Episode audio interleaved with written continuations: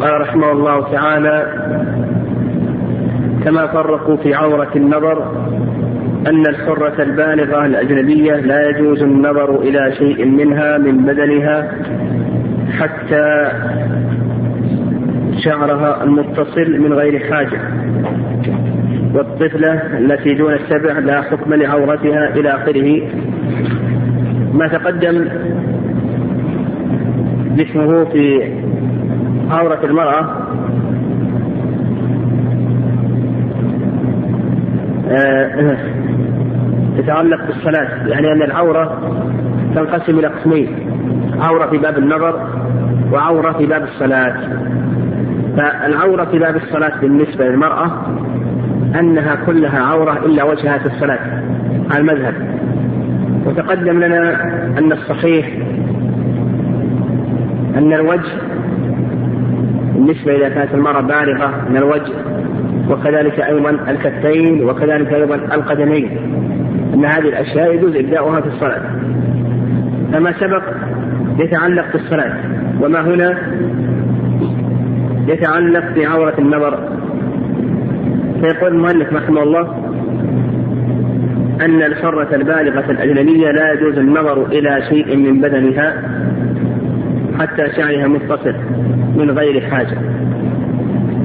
وهذا هو المشهور مذهب الإمام أحمد رحمه الله أن الأجنبية البالغة لا يجوز النظر إلى شيء من بدنها كلها عورة في باب النظر. أما في باب الصلاة فتقدم أنهم يجوزون كشف كشف وجه الوجه كشف الوجه في الصلاة ما لم يكن هناك جانب. وقلنا الصحيح أنه لا يكتفى بكشف الوجه بل يجوز أيضا كشف القدمين وكشف الكفين. وهنا قال المؤلف رحمه الله أن الحرة البالغة والأجنبية. قال الحرة قيد بالحرة. والصواب أنه لا يقيد بالحرة. وأنه لا فرق بين الحرة وبين الأمة في باب النظر لأن المقصود درء الفتنة. المقصود درء الفتنة. ولا يقيد. والفتنة لا تختلف فيها الأمة عن الحرة. فالصواب أن عورة كل من الأمة والحرة واحدة فيما يتعلق بباب النظر وكذلك أيضا فيما يتعلق بباب الصلاة كما سبق لنا ولديها كثير. قال آه، فعندك باب النظر قسمه إلى تقسيم قسمه إلى أقسام. أن تكون بالغة أن تكون بالغة فهذه كلها عورة. حتى الوجه. وهذا هو المشهور من الإمام أحمد رحمه الله. الثاني أن تكون دون سبع سنوات. أن تكون طفلة دون سبع سنوات. فهذه يقول المؤلف رحمه الله لا حكم لعورتها. يعني أن عورتها لا حكم له. لا حكم لها ويجوز النظر يجوز النظر إلى عورتها. إذا كان لها دون سبع سنوات. فليس لها شيء من العورة هذه الطفلة القسم الثالث قال ومن دون البلوغ من الأجنبيات وذوات المحارم مطلقا القسم الثالث التي دون البلوغ. دون البلوغ. فهذه عورتها ما بين السرة والركبة إذا كانت دون البلوغ. إذا كانت دون البلوغ فهذه عورتها دون السرة ما بين السرة والركبة نعم آه. آه. آه. فإذا كانت دون البلوغ فهذه عورتها ما بين السرة والركبة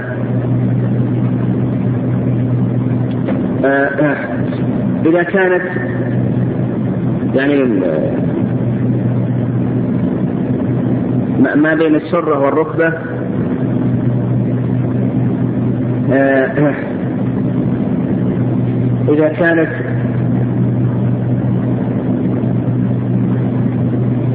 لها ما بين السابعة العاشرة ما بين السابعة العاشرة بين السرة والركبة. إذا كانت فوق العاشرة وذوات المحارم هذه ينظر منها ما يظهر غالبا. ينظر منها ما يظهر غالبا. القسم الأخير النظر عند الحاجة والضرورة فهذا يقدر بقدره. فأصبحت الأقسام أو يصبح عندنا أقسام القسم الأول أن تكون حرة بالغة. فهذه كلها عورة بالنسبة للأجنبي. القسم الثاني عكس ذلك أن تكون طفلة. فهذه لا ليس لعورتها حكم. القسم الثالث القسم الثالث آه، أن تكون دون البلوغ أن تكون دون البلوغ. فهذه إذا كانت دون العاشرة هذه عورتها ما بين السرة والركبة. يعني ما بين السابعة إلى العاشرة عورتها ما بين السرة والركبة. فوق العاشرة مراهقة وكذلك أيضا ذات المحرم ذات المحرم مع محرمها. يعني البالغة مع مع المحرم. فهذه عورتها ما يظهر غالبا. عورتها ما يظهر غالبا. القسم الأخير ها النظر عند الحاجة والضرورة. النظر عند الحاجة والضرورة فهذا يقيد بقدره. فإذا احتيج إلى النظر فإنه يقيد بقدره عند الحاجة والضرورة. أيضا القسم الأخير أيضا بقي قسم النظر بين الزوجين هذا جائز. ولا حد له النظر بين الزوجين. فأصبحت هذه الأقسام خمسة أو ستة. والملخص في ذلك الملخص في ذلك أن يقال بأن بأن النظر آه، قصد من منعه درء الشبهة والفتنة قصد من منعه درء الفتنة درء الفتنة. فكلما كان في النظر فتنة فإنه يمنع من ذلك يمنع من ذلك. فمثلا قالوا مثلا إذا كانت مراهقة عورتها ما يظهر غالبا ما يظهر غالبا من الرجال من الرأس والوجه إلى آخره. هذا إذا كان هذا الظهور يؤدي إلى الفتنة فإنه يجب حجبه. يجب حجبه لأن الحكمة التي من أجلها شرع الحكمة التي من أجلها شرع. الحجاب هي درء الفتنة. فكلما كانت أو كلما كان النظر يؤدي إلى الفتنة فإنه يجب الحجاب بقدر ما يمنع من هذه الفتنة. كذلك أيضا مثل القول بأن العورة ما بين سبع عشر هي ما بين السرة والركبة. هذا نقول إذا كان يؤدي ذلك إلى فتنة فإنه يجب حجب هذه الأنثى بقدر ما يمنع أو بقدر ما يدرأ يدرأ الفتنة ويمنعها. نعم. نعم. قال ومن الفروق الصحيحة أن اللباس ثلاثة أقسام. قسم حلال على الذكور والإناث وهو الأصل في جميع أنواع الأكسية.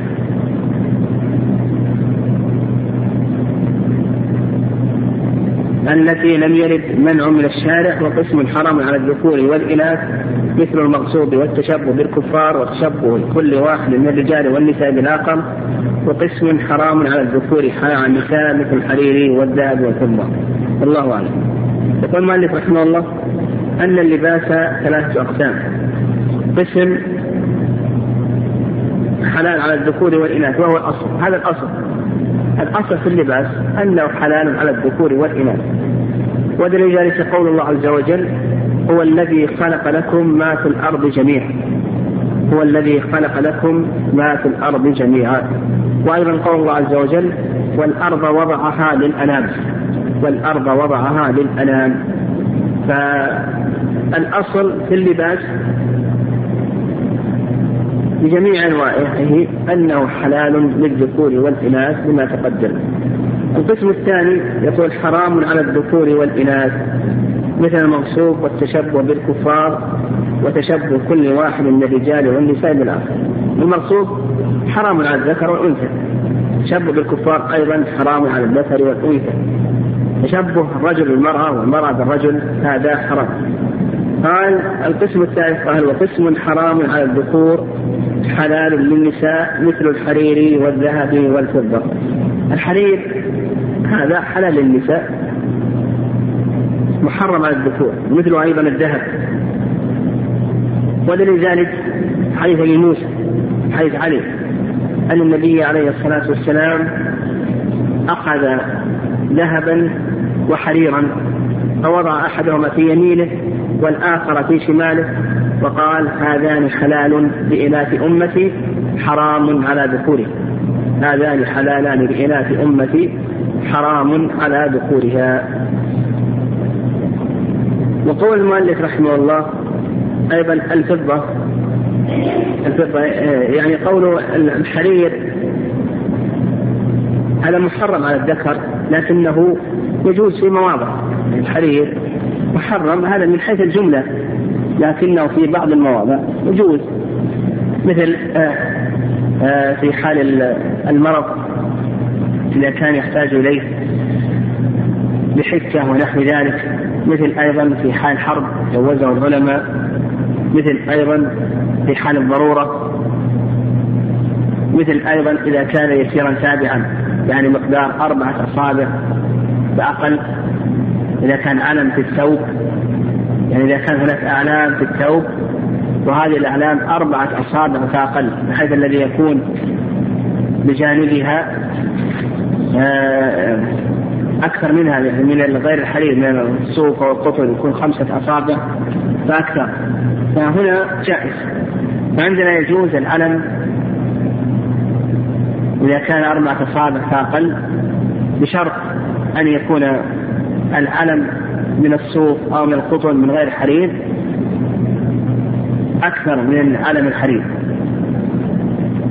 كذلك أيضا كما تقدم جواز في حال الضرورة أو حال المرض أو حال الحرب هذه جوزها العلماء رحمهم الله. الذهب أيضا يجوز اليسير التابع. يسير التابع في اللباس أن هذا جائز. أما المفرد فإنه محرم ولا يجوز. فكون الإنسان مثلا يلبس ساعة من ذهب يقول هذا محرم ولا يجوز. لأن هذا مفرد. يلبس خاتما من ذهب هذا نقول محرم ولا يجوز لأنه مفرد. أيضا يلبس النظارة تكون من ذهب يقول بأن هذا محرم ولا يجوز. أما إذا كان يسيرا تابعا فإن هذا جائز ولا بأس به. إذا كان يسيرا تابعا فنقول بأن هذا جائز ولا بأس به.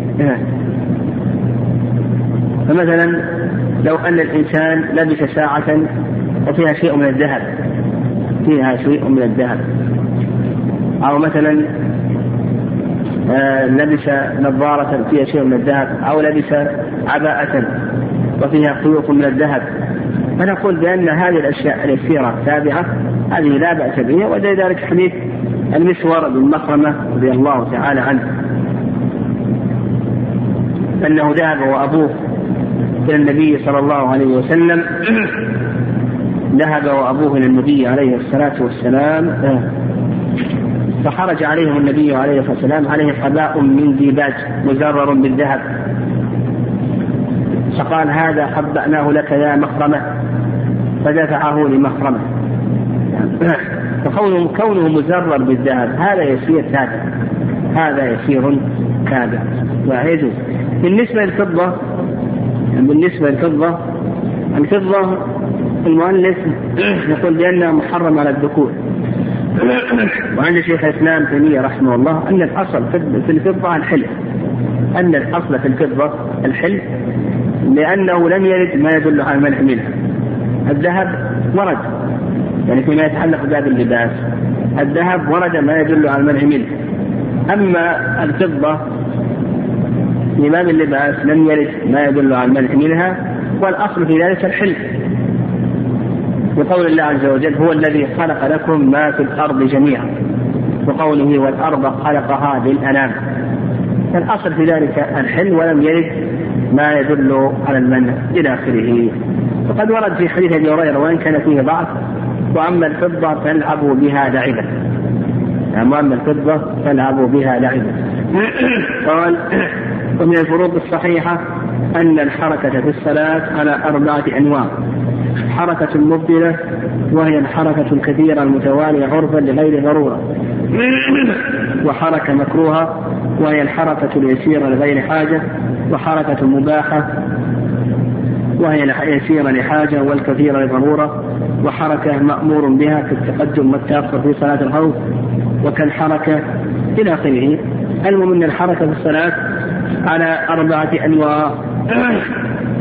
ذكر المؤلف. والحركة مبتلة وهذه حركة محرمة. أن تكون الحركة مبتلة وهذا وهذه محرمة. وهي الكثيرة المتوالية عرفا لغير ضرورة. فيدها بأربعة قيود تكون كثيرة متوالية. التوالي هذا عرفا لغير ضرورة. لغير ضرورة. فإن كانت يسيرة لا تبطل الصلاة. وإن كانت غير متوالية لا تبطل الصلاة.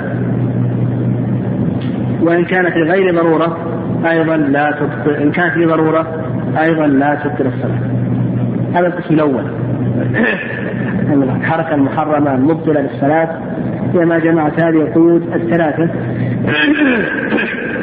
الكثرة والتوالي توالي عرفا لغير ضرورة. ثلاثة قيود. الثاني حركة مكروهة وهي الحركة اليسيرة لغير حاجة. وهذا هو الأصل. الأصل في الحركة في الصلاة أنها مكروهة لأنها حركة زائدة على حركة الصلاة. حركة زائدة على حركة الصلاة فالأصل أنها مكروهة. قال وحركة مباحة وهي اليسيرة لحاجة والكثيرة للضرورة. المباحة إن كانت يسيرة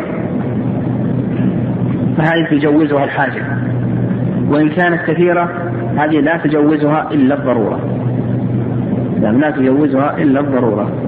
فأصبح المباحة إن كانت يسيرة جوزتها الحاجة وإن كانت كثيرة لا تجوزها الحاجة وإنما تجوزها الضرورة.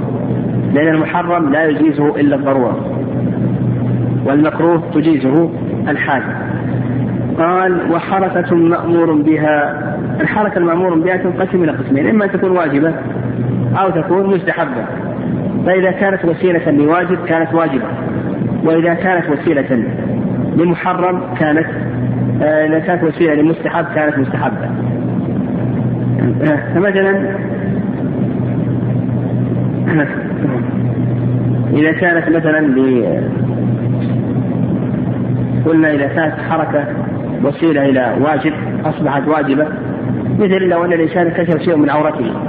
فتحرك لكي يستر عورته. لكي يستر عورته. فهنا حركة واجبة. آه كون الإنسان حصل في الصف خلل فتحرك لكي يسد هذا الخلل فنقول بأن هذه حركة مستحبة. فأصبحت الحركة مثل المؤلف رحمه الله تقدم اليسير للصف الفاضل تعديل الصف المائل التقدم والتأخر في صلاة الخوف آه، كما ورد في صفة صلاة الخوف لما حصل التقدم تقدم الصف المؤخر وتأخر الصف المقدم إلى آخره فأصبحت الحركة في الصلاة تنقسم إلى خمسة أقسام محرمة